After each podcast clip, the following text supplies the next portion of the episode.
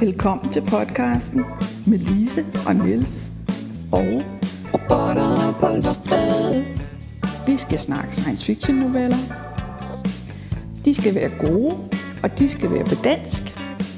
Der bliver svinkeærter, og der bliver spoiler alerts.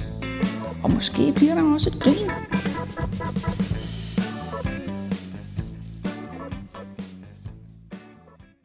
Den her gang er det short and sweet. Det er en lille, fin historie.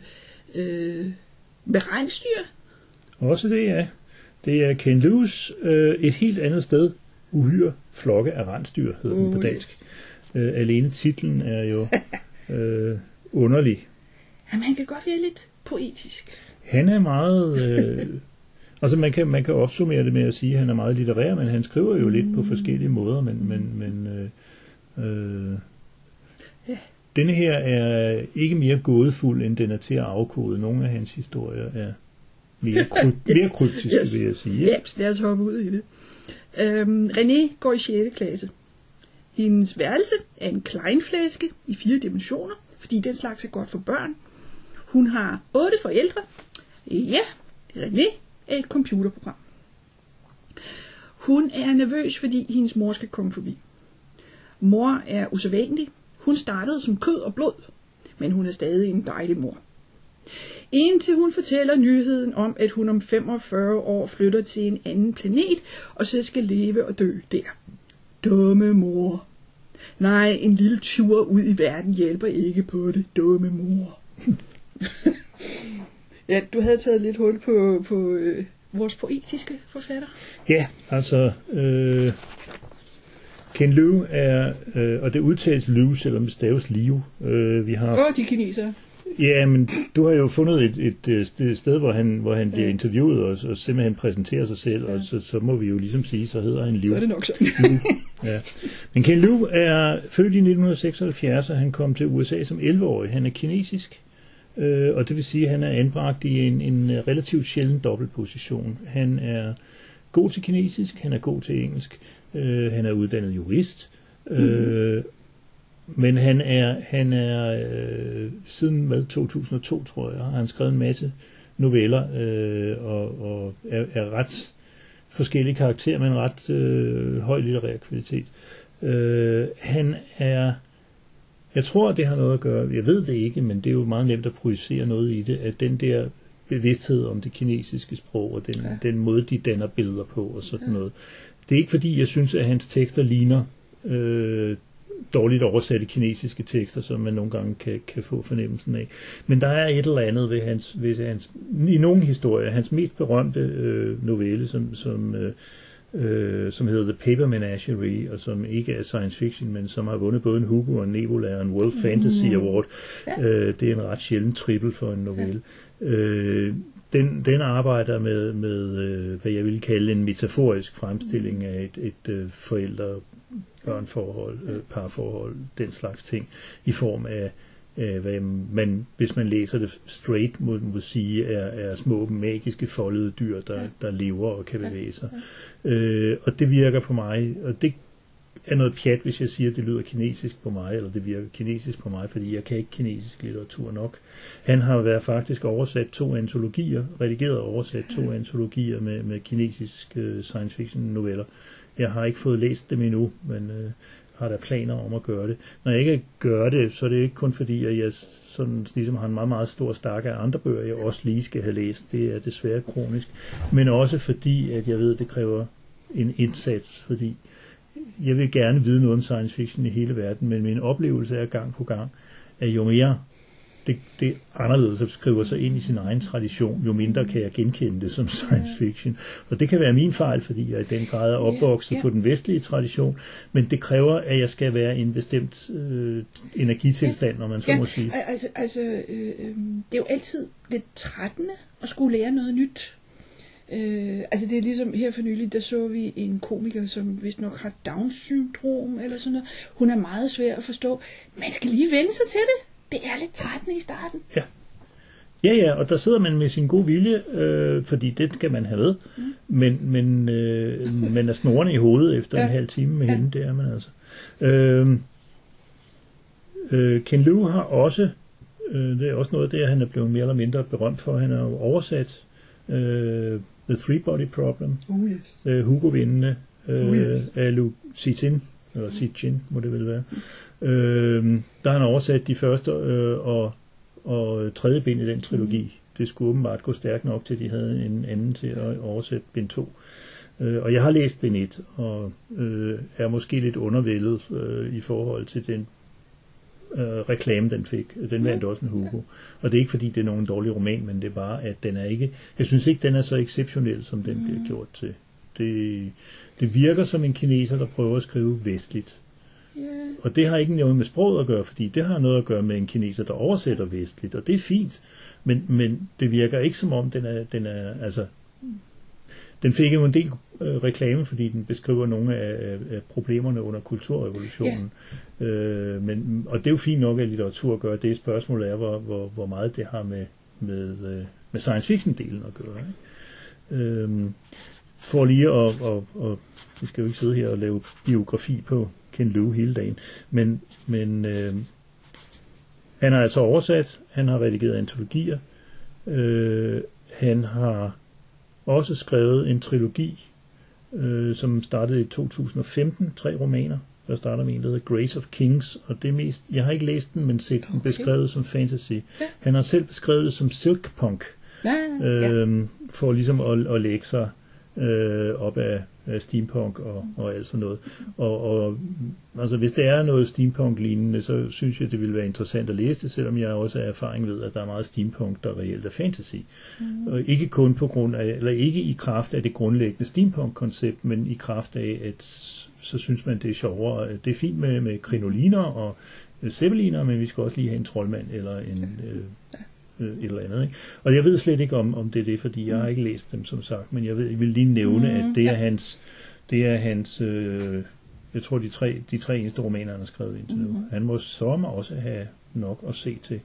Det aller sidste, jeg kan nævne, det er, at der findes en novelle til af ham på dansk i vores øh, antologi med klimafiktion. Det er faktisk den, der er blevet til, Ah, ja, ja. til titelnovellen. Øh, den hedder Meddelelser fra Vuggen, 48 timer i Massachusetts-havet. Øh, og den er lige så meget Ken Lewis, Lewis som, som øh, den her. Så, jeg, jeg, så vidt jeg husker nu, pinligt, fordi jeg har oversat dem begge to, men det var altså, der går nogle år imellem, så bruger han samme navnekonvention. Øh, en del af, øh, jeg synes, jeg kunne genkende den der måde at konstruere navne på. De er meget specielle, altså. Ja. Fordi det virker som om, at personerne Ja. her, de har navne, der inkorporerer hvad, bølgelængder og... Ja, René har et navn, øh, hendes fulde navn, det inkluderer blandt andet i symbolet for valer, eller Ja, ja. sådan noget. Så lad os bare kalde hende René. Ja. Fordi Det, Men hvordan man skal sige. så, men jeg vil Ja. ja. sige, at, at Ken Liu er, er generelt en forfatter, der er værd at holde øje med. Øh, han har skrevet så mange noveller, at jeg ikke har nogen som helst form for overblik over det. Han er stadigvæk produktiv. Jeg var inde og kigge på ISFDB, og, og, og der er altså kommet en 5-7 stykker i, i 2020 og 2021 af ham, så, så det er ikke... Han er ikke holdt op med at skrive noveller. vel? Øh, vi så ham på Worldcon. Ja, det må have været det i Dublin, Øhm, tænker jeg. Jeg kan ikke huske det. Nej. Øhm, Vi hvor vi jo for det første fik indtryk af, at han er skarp. Altså, han er dygtig. Øh, veltalende og kan Ja. sætte et foredrag og en præsentation sammen. Øh, og for det andet, det han snakkede om, det var hvordan sådan noget som, var det både Verne og Wells, var blevet var oversat til kinesisk og japansk øh, Øh, øh, via hinanden, og hvordan de havde været nødt til, altså for det første havde de været nødt til at pynte på det. Altså man kan ikke, når man oversætter til, til øh, øh de her landes sprog, så kan man ikke bare oversætte. Man er nødt til at fortælle, at det her det er en delstat i USA for eksempel. Øh, man er nødt til at, at hjælpe publikum lidt. Og det havde til synligheden taget overhånd, fordi den, den var blevet lidt slagtet, den stakkels historie. Altså, jeg vil sige, at man fik andre billeder inde i, i hovedet. Øh, og igen, der kommer hans, hans tosproglige kvalifikationer ja. frem, ikke? fordi han har kunnet kigge på, på øh, øh, hvordan så verdens historie rent faktisk mm. ud. Øh, det, var, det var faktisk øh, rejsen til månen, han kiggede på, ja. øh, som jo foregår i, i øh, hvad er det, Baltimore. Øh, fordi det er The Baltimore Gun Club, mm, yes. der bygger den her kanon. Og så havde han kigget på, og jeg mener det er rigtigt, at det var kinesisk var kommet via japansk, og det var så endt med, at de, de havde ingen forståelse for, hvad en delstat var, så det var, det var, det var sådan, jeg kan ikke huske, hvad det var, det endte med, altså, men det, det, øh, altså igen, sådan noget interesserer ham, og sådan noget har han kvalifikationerne til at være interesseret i, og han er god til at fortælle. Så hvis man kan finde sådan noget på, på nettet, så kan, kan man betragte som opfordrer sig til det, hvis, så, hvis man kan engelsk. Øh, så, men men øh, øh, han taler et rimelig øh, pænt og forståeligt øh, engelsk. Ja, forsøg. Øh, Altså, altså det, det, det undrer mig det første som 11-årig, han er kommet over, fordi jeg mener ikke, man kan høre det på ham længere.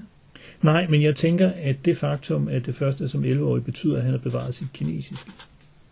Det er rigtigt. Han kan kinesisk. Ja, ja. Og jeg tror, han er bedre til det, end hvis han var kommet som fireårig.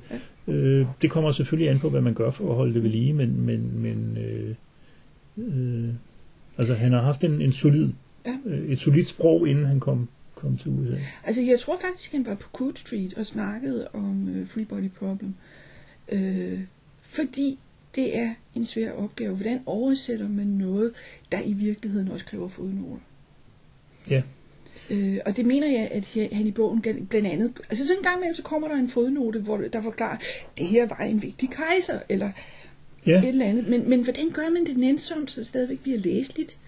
det er rigtigt. Jeg kan godt huske, han gjorde det i Three Body Problem, og der var det faktisk meget nyttigt, fordi det var real ting, ikke? Og Ja. det var øh, noget, der optræder i handlingen, eller så i en replik, og så får man at vide, at det her det er altså en hentydning til, til sådan noget, og den hentydning, den kommer i den kontekst, fordi sådan og sådan. Og det synes jeg øgede forståelsen af, af romanen, ikke? Øh, så han, er, han virker meget bevidst om, om, om de der sproglige ting. Nej, som jeg nævnte, så har jeg før haft øh, underlige oplevelser med ting, der var oversat, Mm. altså blandt andet i høj grad fra kinesisk, fordi øh, der er så meget, som, som øh, vi mangler referencer på, og, og, og der er måden at bruge sproget på, som, altså måden at bruge billeder i sproget på, som er helt, helt øh, anderledes. Ikke? Øh, og det er jo ikke kinesernes skyld, det er, det er vores fejl. Vi kan ikke, man kan ikke vide alt, men, men øh, Jeg, har lige, jeg tror nok, det her det er kinesisk. Jeg viser lige et billede til min medvært. det er da ikke utænkeligt.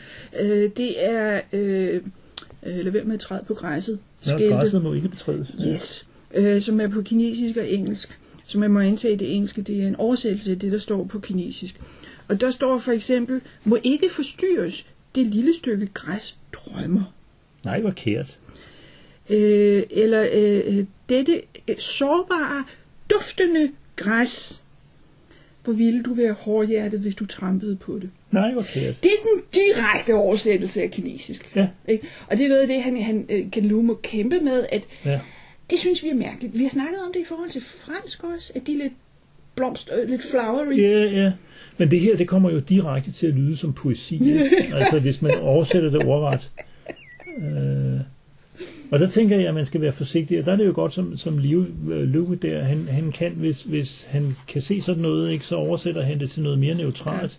Ja. Ja. Fordi vi skal ikke have den stemning mm. af noget poetisk. Mm. Det lille plet græs. Altså, det, det, altså, ja. Det er super cute, Ja, ja. og det er nok rigtigt sådan. Selv hvis vi ville sige, lad være med at, at træde på græsset, det drømmer, så ville vi sige det på en anden måde. ja, ja. Ja, Jeg kunne godt sjovt. forestille mig et engelsk skilt, hvor der stod Don't disturb dreaming grass. Altså Ja. Det, det ville også være poetisk, ikke? men så ville det være, fordi man aldrig normalt ville skrive sådan på engelsk, så ville det være, være vildet og eksplicit poetisk. Ja. Ja. Det ville være en effekt, man Ja. gik efter. Det ville ikke bare være en ordret oversættelse. Og jeg kan huske, øh, øh, kineserne de sendte jo en, en øh, lille bot ting øh, til månen, Ja, øh, som jeg, kan- jeg kan ikke huske, hvad der skete, men jeg tror nok, den løb tør for batteri, fordi den var i skyggen for meget, eller et eller andet. Den havde en Twitter-konto, og noget af det sidste, den skrev, det var, den var ved at løbe tør for strøm, så noget af det sidste, den skrev, det var, jeg er træt, og det er ved at blive mørkt. så, ja, ja, og der skal man jo så vide, om det er en, det er en bestemt måde bare at sige pænt farvel på, eller, eller hvad det egentlig er. Ikke? Altså. Men det, det igen virker meget åh, det poetisk. er godt, Ja. det er godt. Ja, vi ryger, Ja, inden vi passer åh, på, så ryger vi, ja. hvis vi ikke passer på, ryger vi ud af en meget lang tangent Så mange om kinesere. kinesisk inspireret Lad os snakke om øh, uploadede personer og kunstige intelligenser og sådan noget. Øh, ja, øh, fordi øh, de fl- fleste personer i den her verden, de befinder sig jo, øh, det kan vi jo godt sige, uden at det er at spoile for meget, for det mener jeg bliver gjort klart ret Ja. tidligt. De befinder sig i en kæmpestor øh, kubus. Som, som øh, egentlig er et, et, et, øh, et computerlager, mm. hvor deres bevidstheder øh, futter rundt. Og øh, det lader til, at, at øh, René her, skolepigen med det indviklede navn, øh, hun øh, er født derinde, det vil sige, hun har ikke haft ja. en fysisk eksistens uden for, for det der. Og der går hvad, 1300 elever i hendes klasse, eller sådan noget. Det er jo Mange, sådan, ja, ja, det, ja, mange tusind. ja, ja, Det er firecifret. Ja. Ja, ja. Øhm, fordi hele fysikken omkring det der, hvad fylder en person, det, det er sådan lidt... Øh, ikke? Og øh, den er jo også, tror jeg, skrevet, før man begyndte at tænke på, ja, den er fra 2011, men det var før man begyndte at snakke alt for meget om, hvad de her serverparker og, og, og skyprojekter egentlig bruger af energi. Altså, jeg mener, der er en bemærkning om, at de i hvert fald er nået frem til, at de belaster miljøet mindre ved at være kunstig intelligens og en computer. De Og den der computer fylder mindre. ja, Fordi det meste af planeten har planeten for sig selv. Ja, og den virker grøn og, og Ja. glad og, Ja. og, og sådan noget der. Øh, og man kan sige, at de kører jo i hvert fald ikke ret meget i bil, øh, når, når de Nej. bor inde i en computer. Øh, og de har jo så altså taget det der, fordi, fordi René fortæller om det der med, hun bor jo, hendes værelse er bare et ganske almindeligt firedimensionelt øh, børneværelse, ikke? Øh, mens hendes far, han lever af at designe øh, drømmeverdener, som hun siger. Øh, så han vil gerne have, at hun skal eksperimentere med noget otte-dimensionelt, og jeg ved ikke hvad, ikke? og det lyder, mm. altså, der er Lou jo god til at give en antydning af et eller andet, som man tænker, what, what, what, ikke? Mm. Men hvis de alle sammen er virtuelle, øh, jamen så, øh, så kan man jo lave sådan Ja. nogle øh, konstruktioner, men det virker jo ikke som om, at deres liv er uvi- uvirkelige på den måde. Altså, øh, René virker meget som en 6. klasses øh, skoleelev, altså Ja. øh, med hvad der nu er med en bedste veninde og Ja. øh, forældrevrøvl og Ja. alt det her. Så, øh, men altså, Ja, øh, øh, og, og det virker jo som om, altså selvom René har otte forældre, så virker det som om, at hun havde trods alt en far og en mor, og de er så ikke sammen længere. Og øh, det, det er måske ikke så underligt, fordi folk, der har været kød og blod i sin tid, de er lidt anderledes.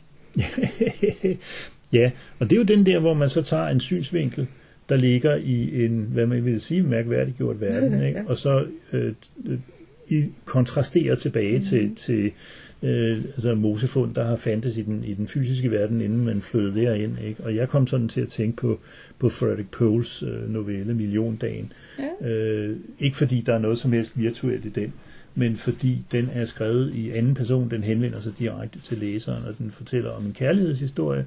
Øh, men du forstår ikke en skid af det her, får man direkte at vide eksplicit flere gange, fordi den foregår altså en million dage, og det kan jeg ikke engang regne ud, men det er altså tusinder af år ude i fremtiden. Øh, og der ser verden altså anderledes ud. Og øh, når vi siger, at en dreng og en pige møder hinanden, så er det noget helt andet, vi snakker om, end det du har i dit lille gammeldags hoved, sådan, mens du sidder der øh, med dine sutsko og, og, og morgenavis. Ikke? Øhm, og den historie er så genial, fordi den, den øh, på en meget aggressiv måde i virkeligheden, men også meget morsom måde, ikke? Øh, sætter vores opfattelse af, at sådan som vores verden er, vil, den alt, vil verden altid være, den bliver sat i relief her. Ikke? Det bliver den også her, men det i, i, i Lus historie, men på en lidt mindre aggressiv måde, ikke? fordi Paul var, var ude for, på at være satirisk og sådan noget. Og det er Lou ikke sådan egentlig. Altså, Altså, han er, han er meget... Øh, jamen, sådan her er verden. Jeg bor i en firedimensionel kleinflaske. Ja. Ikke? Deal with it. Ja, ja, Altså- ja. Det bliver ikke problematiseret. Nej. Altså, hun siger, at hun har en veninde, som, altså hende der, hendes gode veninde, hun, hvad var det, otte dimensioner eller et eller andet. Men, Ja, og øh, fraktalt. Sådan, så ja, det er rigtigt. altid- Det- Åh, det, det, det var meget matematisk. Det var en kontinuert funktion, der ikke var differentierbar. Ja. Så, så den er fraktal på en eller anden måde. Altså, jo, jo, uanset hvor tæt man går på den, så er den stadigvæk spids og, og prikkende. ja, og, og René siger, hun har det, har det ikke så godt derovre, så de er mest hos hende. Så det, øh, Øhm, ja, det kunne være, at vi lige skulle... Nu kommer vi lidt væk, fra det der med... Ja, ja, nej, vi snakker stadigvæk om det her med at være uploadet og sådan noget. Vi har jo snakket om... om er det simpelthen Cookie Monster, den hedder? det, ja, Øh, den- ja, den det kom den historie- også til at hedde på dansk, Ja. ja. fordi der var ingen meningsfyldt oversættelse. Fordi man skulle have den der med, at en computer bruger noget, der hedder en cookie nu om dagen også. Ikke? Fordi det Ja. hele ender med at ligge i den der cookie. Det er. Øhm, og den har også folk, der er uploadet, men det er uden at de ved det, og uden at de har givet tilladelse til det. Så det er en lidt anden øh, problematik. Men den foregår 100% inde i den virtuelle verden. Ja, Så, så på den måde, så, så er der lighedspunkter mellem de her to. Øhm, den er bare en, den er bare en øh, hvad skal man sige, mere af et krimiplot, fordi det, det, de prøver at finde ud af, hvad det egentlig er, der, der foregår. Ikke? Ja. Altså hovedpersonen er lige blevet genstartet, Ja. øh, og ved jo ikke, hun ikke har været der før, så, så hun går i gang med den her et uges arbejde, hun ja. Ja. er booket til, og så bliver det mere og mere underligt, og så går de i gang med at udforske tingene, og så finder de ud af, jamen, de er altså blevet bootet, jeg ved ikke, flere tusind gange ja. før, ikke? fordi det er billig arbejdskraft, så, så øh, jo. det, det er lidt en, en anden en facet af det. Det er en anden, det er en anden problemstilling de- og en anden stemning. Ja, de her, Øh, de ved godt, hvad der foregår, og accepterer det fuldt ud, Ja. ja. og det er bare dejligt. Noget af det, man kan, når man i virkeligheden er bare et program på en computer, det er, at man kan overclocke, og det gør mor til synligheden meget. Øh, at hun, åh, hvor er det længe siden, jeg har set dig. Åh, mor, det er kun et år, altså. Mm. Det er bare fordi, du løber hurtigere. ja, ja. Ja, der var også en gang, hvor man overklokkede sin CPU på sin gamle PC'er, eller nogen gjorde, jeg gjorde ikke i hvert fald. Så kunne man få den til at køre hurtigere, og Ja, det var ikke uden risici. Øh, man kunne brænde lortet sammen. Ja. Men, øh, her er det til synlædende øh, problemfrit. Ja. Bortset fra, altså, at når man interagerer med andre uploadede mennesker, så, øh, så skrider ens tid i forhold til, mm. altså fordi når man overklokker, når man mere øh, på, på den samme objektive tid, men, men da man er underlagt den virtuelle tid, man befinder sig i det der Mm. uploadede rum der, øh, jamen så, så bliver man jo flyttet i tid i forhold til, Ja. til sin familie og, og hvad der ellers måtte være. Mhm. Det oplever man jo også bagefter, når vi efter, efter pausen skal snakke om den flyvetur, de tager på, Ja. fordi der bliver det underclocking, vi kommer til at snakke Mhm. om. Øh, og jeg tænker, det må være en, for mig er det en forstyrrende verden at leve i, fordi ja, Øh, jo, men det er jo en eller anden, et eller andet sted, er det jo en genial metafor for, hvor, for det, der hedder usamtidighed, ikke? At vi rent bevidsthedsmæssigt befinder os i forskellige øh, tider nogle gange, ikke? Nogle går rundt og tænker Ja. på, på en tid og øh, på en måde, og ja, nogle, ja. nogle har stadigvæk nogle begreber Åh, hængende i Åh, hovedet. du lever ikke? stadigvæk, Stine, eller Ja, ja, den slags, ikke? Eller øh, stadigvæk går rundt og, og, og, og, og, og tænker på, på verden, som den så ud for 20 år siden, eller, Det eller var er, så ikke? meget over 2000. Ja, ja lige præcis. Ikke? Ja. Øh, og så skal vi slet ikke vade i, at usamtidighed også rent teknisk kan betyde noget, noget øh, altså øh, politologisk og sociologisk og, og sådan noget der, med at folks nogle folks bevidstheder er ikke fuldt med samfundsudviklingen og sådan nogle ting. Øh, det kan der bruges meget tid på. Men det her er en eller anden måde at gestalte det på Ja. øh, i, i historisk konkret univers, og det synes jeg er, er skæg. Øh, og, og altså, jeg bliver køresyg, hvis jeg tænker for meget over det, fordi hvordan fanden øh, har- man en tilværelse som noget som helst andet end totalt isoleret person i virkeligheden, ikke? Du kan interagere med alle mulige, men, men øh, hvis du ikke kører med samme klokfrekvens Ja. som dem, jamen så ser du dem... Altså, det, jamen, er der ikke noget med, at moren er del af en lille gruppe, Jo. Øh, hvor de et eller andet, Jo, hvor hun de er noget forsker et eller andet. Ikke? Øh, og så har hun jo skåret, altså så hun jo gået tilbage til normal hastighed for at kunne være sammen med René Ja. i en periode. Men, men de har ikke samme... Øh, altså, moren har været væk, fordi hun Ja. arbejder med den der forskergruppe. Men den mængde tid, der er gået for dem, er, er forskellig. forskellig, Ikke? ja. Og, og det er der, jeg tænker, det bliver surreelt på en Ja. eller anden måde, og det bliver, det bliver svært at bevare øh, en kontinuitet i bevidstheden. Ikke? Ja, Ja. øhm, ja. Mor synes, vi skal tage ud på en lille tur. Ja, skal vi lade dem hænge der? Det kunne godt være, det var en god idé. Yes. Så er vi nået til den del, der slet ikke har noget med dagens novelle at gøre, nemlig svinkeærnet.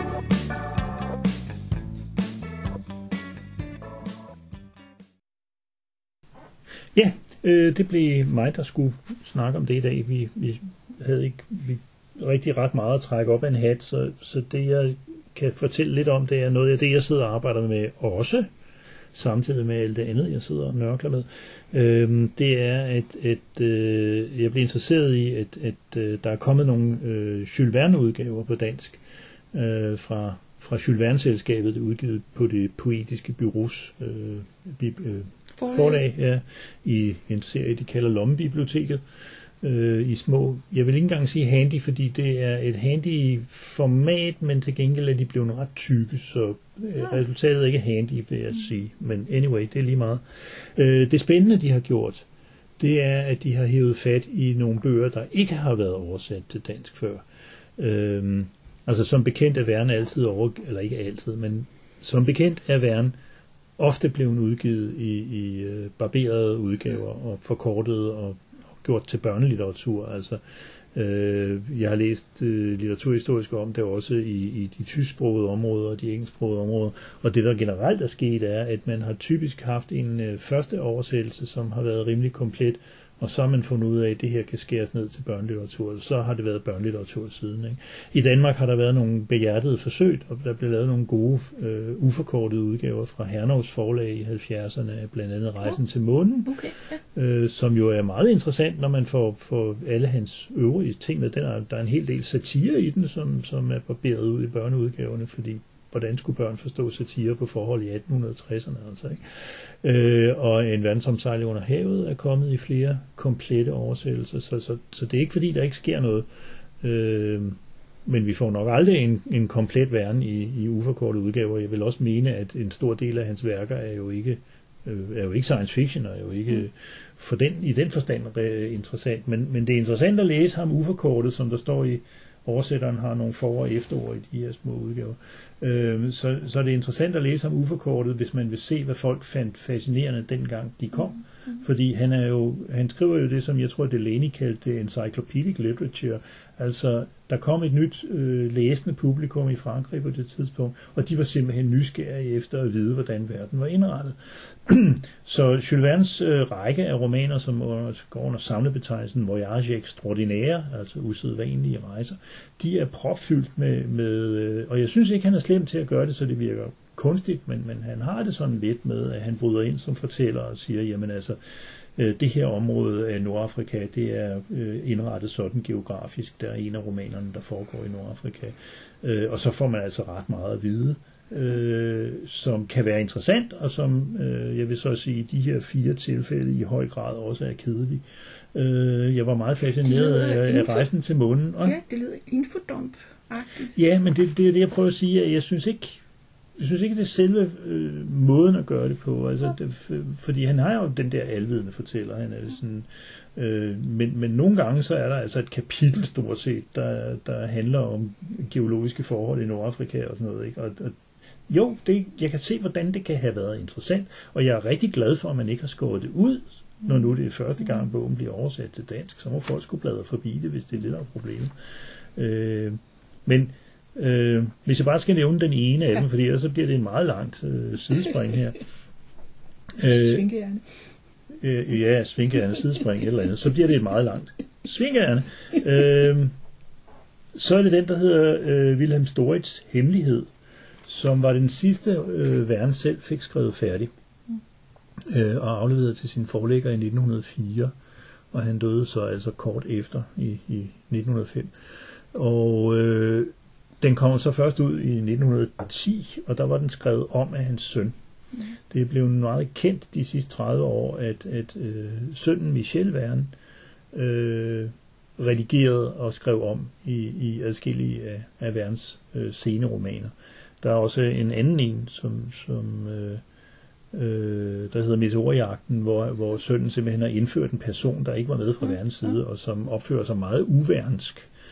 Øh, og det irriterer mig. Øh, men, men det er fint, at man lader det stå, og det, øh, udgaven gør opmærksom på, hvilke dele, der Åh, er ja. interpoleret af, Okay, af Michel ja, Verne. ja. Ikke? Og også et enkelt sted i den bog står der også, de her to sider, de er altså skåret ud af Michel Verne, vi har sat dem ind igen. Og sådan den slags ting. Ikke? Så man kan faktisk sådan nogenlunde finde ud af det. Her er det så øh, er der ikke lavet noget på den måde øh, drastisk, men, men der er skrevet ting til og, og sådan noget der. Altså, hvad, hvad var det, Øh? Wilhelm Storits hemmelighed. Storitz. Ja. Ja, og det, det, øh, jeg gik lidt udenom den i første omgang, fordi bibliotekssystemet havde fået den til at lyde, som om den handlede om alkemi, ikke? og han har jo også skrevet historiske romaner og sådan nogle ting. Men det er fordi, at Wilhelm Storits er en, en, øh, en videnskabsmand, hvis far var berygtet som, som alkymist. Øh, men øh, han, øh, det foregår i 1800-tallet. Øh, det var faktisk forlæggeren, der forlangte, at den blev flyttet der, fordi Nå, øh, den havde foregået vist nok i samtiden. Og man, den foregår i Ungarn, og man beskriver magarierne, som det, eller øh, ungarerne, som øh, utrolig overtroiske og primitive og alt muligt, og man ville ikke skræmme alle de mange læsere, man havde i Ungarn, så den, den er blevet, den er blevet blødt op på forskellige vis. Øh, men det, der er interessant ved den her, som til synligheden stammer fra verden selv, og ikke hans søn, og det gør det mere interessant, det er, at Willem Storitz, han har opfundet et middel, der gør ham usynlig. Øh, Efterordet påpeger, at, at øh, den er altså som sagt skrevet lige i begyndelsen af 1900-tallet, at verden har sikkert læst en beskrivelse af Wells, den usynlige mand, som er fra, fra 1897. Øh, og så har han tænkt, okay. Men det har jo hele tiden været øh, sådan kendt i gåseøjne, at, at Verne var den, der insisterede på at stå på, på etablerede kendskærninger, Ja, mens Wells var den mere, øh, mere fantasifuld øh, og mere også kunne bruge det mere sådan i metaforisk forstand. Ikke? Men her er det rent faktisk, at han tager, om man så må sige, handsken op fra Wells. Øh, jeg skal ikke sidde og vade i det i timevis, men den er interessant, jeg kan anbefale den. Blandt andet, særligt hvis man selvfølgelig har læst øh, Wells Usynlige Mænd, fordi der er nogle interessante forskelle. Øh, den ene er, at Wells usynlige mand har det problem, at han ikke kan blive synlig igen. Og det driver faktisk øh, handlingen. Det gør ham desperat. Mens at verdens usynlige mand, han har et middel til at gøre sig synlig igen.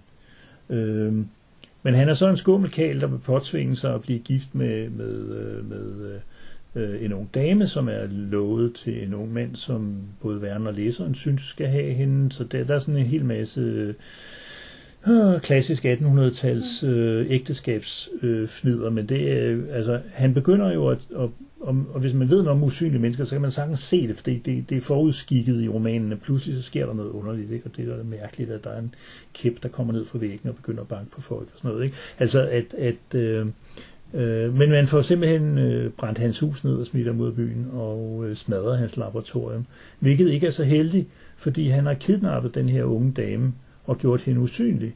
Og man har også fået øh, destrueret det middel, der gør hende synlig igen. Og så vil jeg overlade det til lægen selv at finde ud af, hvad der sker, særligt da det viser sig, at hun er gravid. Så, nej, nej, nej. ja, uhe.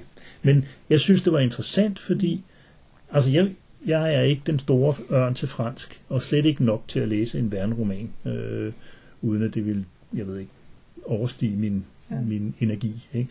Og øh, jeg er glad for, at de her ting kommer på dansk. Jeg vil også gerne se nye udgivelser af nogle af de ting på dansk, der ikke har været udgivet siden ja, i over 100 år. Altså Le Sphinx de Glace, som vist kom på dansk i 1903, den synes jeg godt kunne bruge en ny oversættelse, fordi jeg har ikke øh, altså, og, og sådan noget. Ikke? Øh, men jeg synes, det er et fint initiativ, at der faktisk er nogen, der mere eller mindre tager det fra en ende af og siger, nu tager vi de Jules Verne-romaner, der ikke findes på dansk i forvejen, og så oversætter vi dem. Ikke?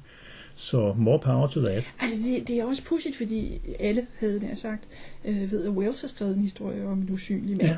Ja. Øh, Superkultur ved det, de havde lige i deres øh, afsnit øh, nummer 100, der havde de usynlighed som tema. Så der snakkede de blandt andet om Wells' version af det. Ingen ved, at Verne har gjort det også. Nej, nej. Ikke her i Danmark i hvert fald. Jeg ved ikke, hvad franske læsere har, ved, men, men øh, Nej, man kunne forestille sig, at der er flere ja. franske læsere, der Ja. har læst uforkortet Verne, Ja. end, end der er i andre lande. Altså han er jo indtil for, for 20-30 år siden var han jo ringeagtet blandt amerikanske akademikere, fordi de engelsksprogede oversættelser var dårlige og forkortede. Øh, Så var der nogen, der begyndte at lave uforkortede oversættelser, og nu er der faktisk øh, amerikanske øh, akademikere, der skriver øh, Det er godt. godt om det. Ikke? det er godt. Meget karakteristisk, så er en af de få, øh, jeg kan huske, der har skrevet noget øh, seriøst positivt akademisk for flere årtier siden om det. Øh, det var en øh, fransk kanadier, ikke? Mm. Så, så am- nordamerikaner, men, men, men helt klart fransk, og i, han hedder Genoux, så, så ja. Anywho, øh, det tror jeg er, hvad jeg vil Ja. sige om det. Men anbefalet, Ja, det var nok. Svink for en dag. ja, Kære lytter, du skal have lektier for. Næste gang tager vi John Varley, Pusheren. 10 det er den næste historie i bogen. Hvis du lige husker, at Å skal skrives som dobbelt A, så kan du tweete til os på robotterploftet. Skriv til os på robotterpåloftet.gmail.com og se hjemmesiden robotterpåloftet.sciencefiction.dk Og så er der Spoiler alert!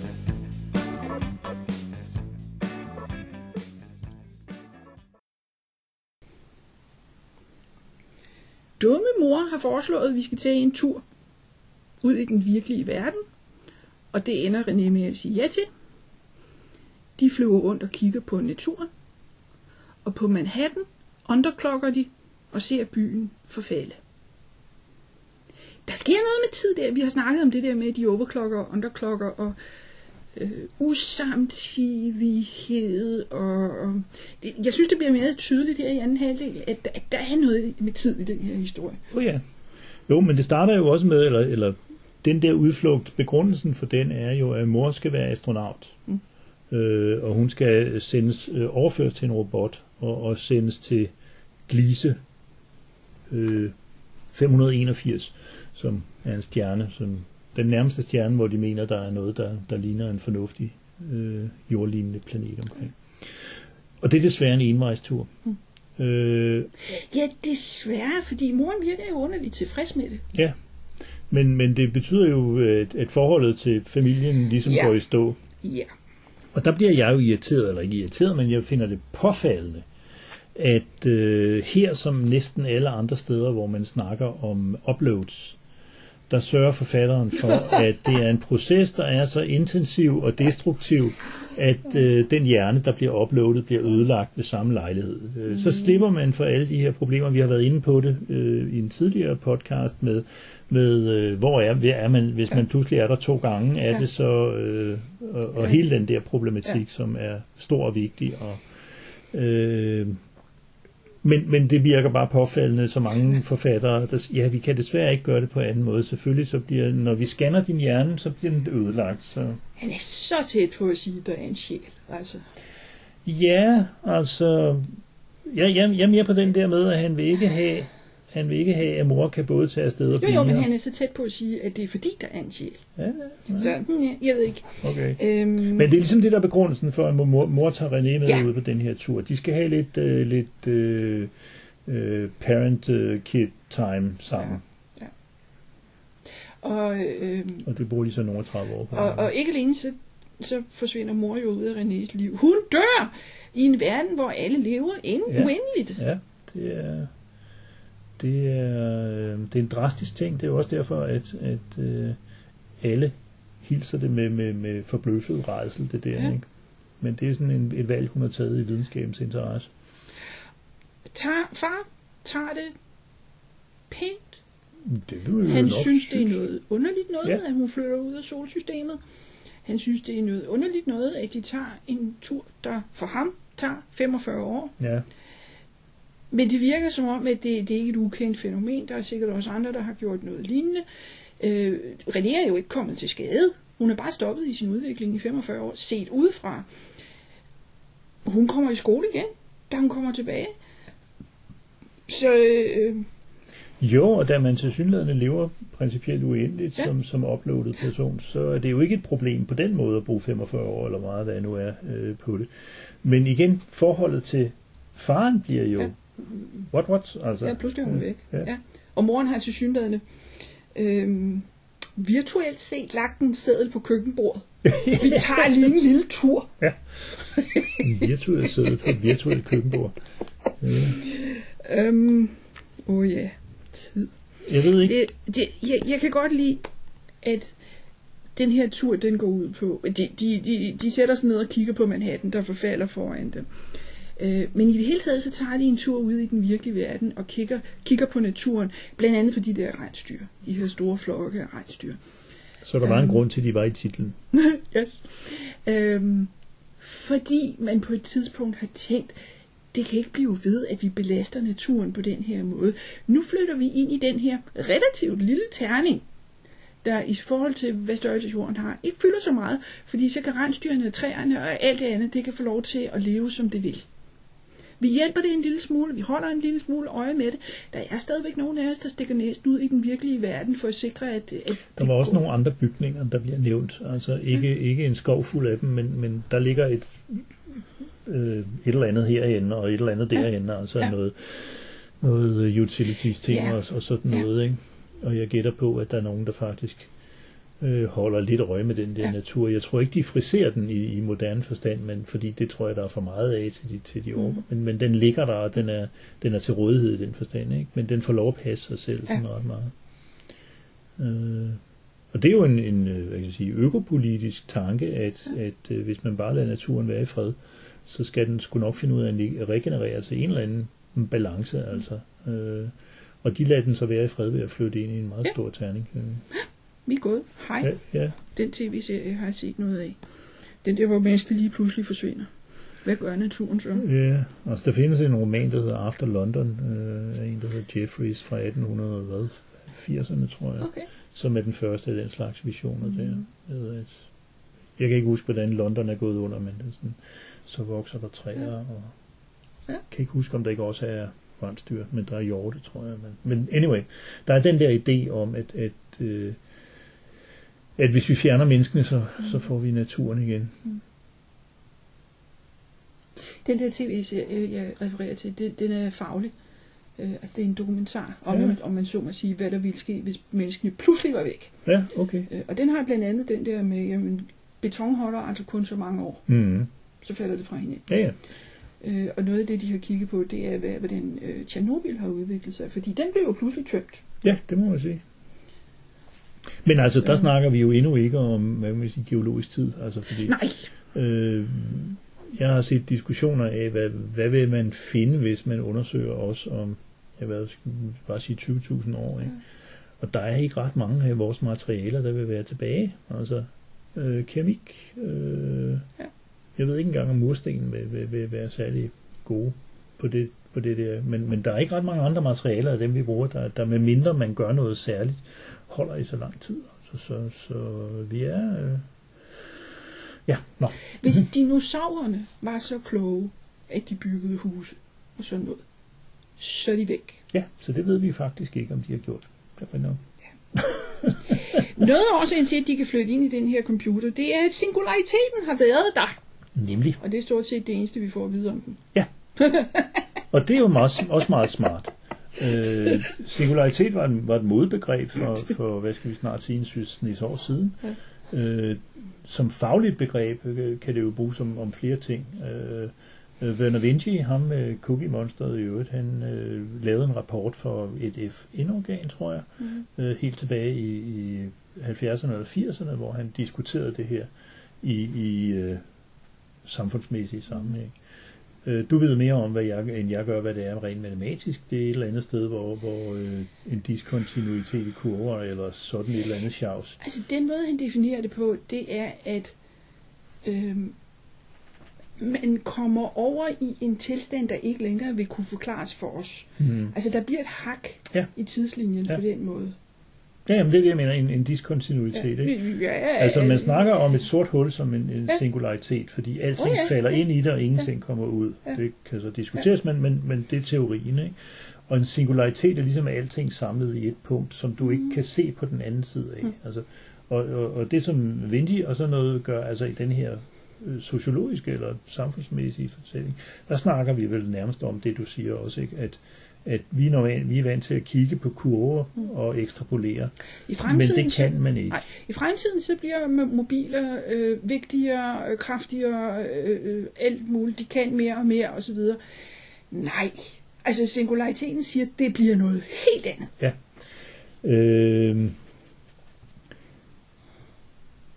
der er også en, en, en forklaring, en specifik version af det, som siger, jamen hvis vi lader en computer bygge en computer, der er smartere end Ja. den selv, og så videre, og Ja. så videre, så når vi til en form for, for øh, kunstig intelligens eller bevidst væsen, som vi slet ikke kan vide noget om. Og det er også en eller anden form for diskontinuitet Ja. i, i uh, the foreseeable future ting. Så, så det er også... Øh, det blev et modebegreb på et tidspunkt. Charles Stross skrev bøger om, der var to udgangspunkt i det og sådan noget. Og risikoen var, hvad man jo også kunne se hist og pist, uden at jeg skal grave i det, at for en dårlig forfatter blev det synonymt med anything goes, fordi Ja. det, det her er bare efter singulariteten. Ja, ja, og nano. Og, Og jeg synes, Løv gør det godt, fordi han Ja. ja. laver en verden, som han beskriver som så mærkelig, øh, men forklaret. Ja. Altså vi, vi har en idé om, hvorfor den verden virker så mærkelig, og den er forklaret, og den er beskrevet af en person inde i den verden, som ikke finder den mærkelig, som nærmest finder det alt det andet tidligere mærkeligt. Ikke? Så jeg synes, den er, på den måde er den god til ligesom at prøve at give en antydning af, fordi han er klog nok til at ikke sætte sig ned og sige, jamen før singulariteten gjorde vi sådan, og ja. nu gør vi sådan, og singulariteten har betydet, at vi gør sådan og sådan og sådan, fordi det vil jo, øh, altså, øh, så kommer det enten til at virke, virke utroværdigt eller, eller for tamt. Altså det, det er sådan, så han antyder, ja. og det, det er faktisk... Øh... Jeg har læst mindst en bog, der handlede om, at en dag så blev en eller anden computer bevidst, og den havde fået indpodet, du skal sørge for, at menneskene har det bedst muligt. Hmm, yeah. Og den fortolker man så som, jamen så er de nødt til at flytte ind i en computer, fordi det er meget nemmere at styre. Og det gør den så. Sap, så sad alle mennesker i en computer. Ja, det er jo... Og det virker som om Loose, det er mere gradvis. Øh, det bliver blandt andet beskrevet, at der var nogle af de gamle, de forsvandt på den måde, at de døde. Mm. Altså de sagde, vi vil ikke uploades. Ja, det var jo et valg til synligheden. Ja.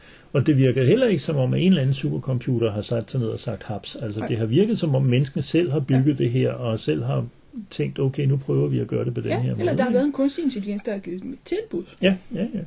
ja de, de snakker ikke om det som en tvangssituation, eller som, som, og der er jo intet som helst øh, totalitært, eller, eller dystopisk, eller noget som helst over det her. Det, det, er, øh, det virker som, som ja, sådan er deres verden altså. Øh, så på den måde er det, øh, synes jeg også er en af historiens kvaliteter.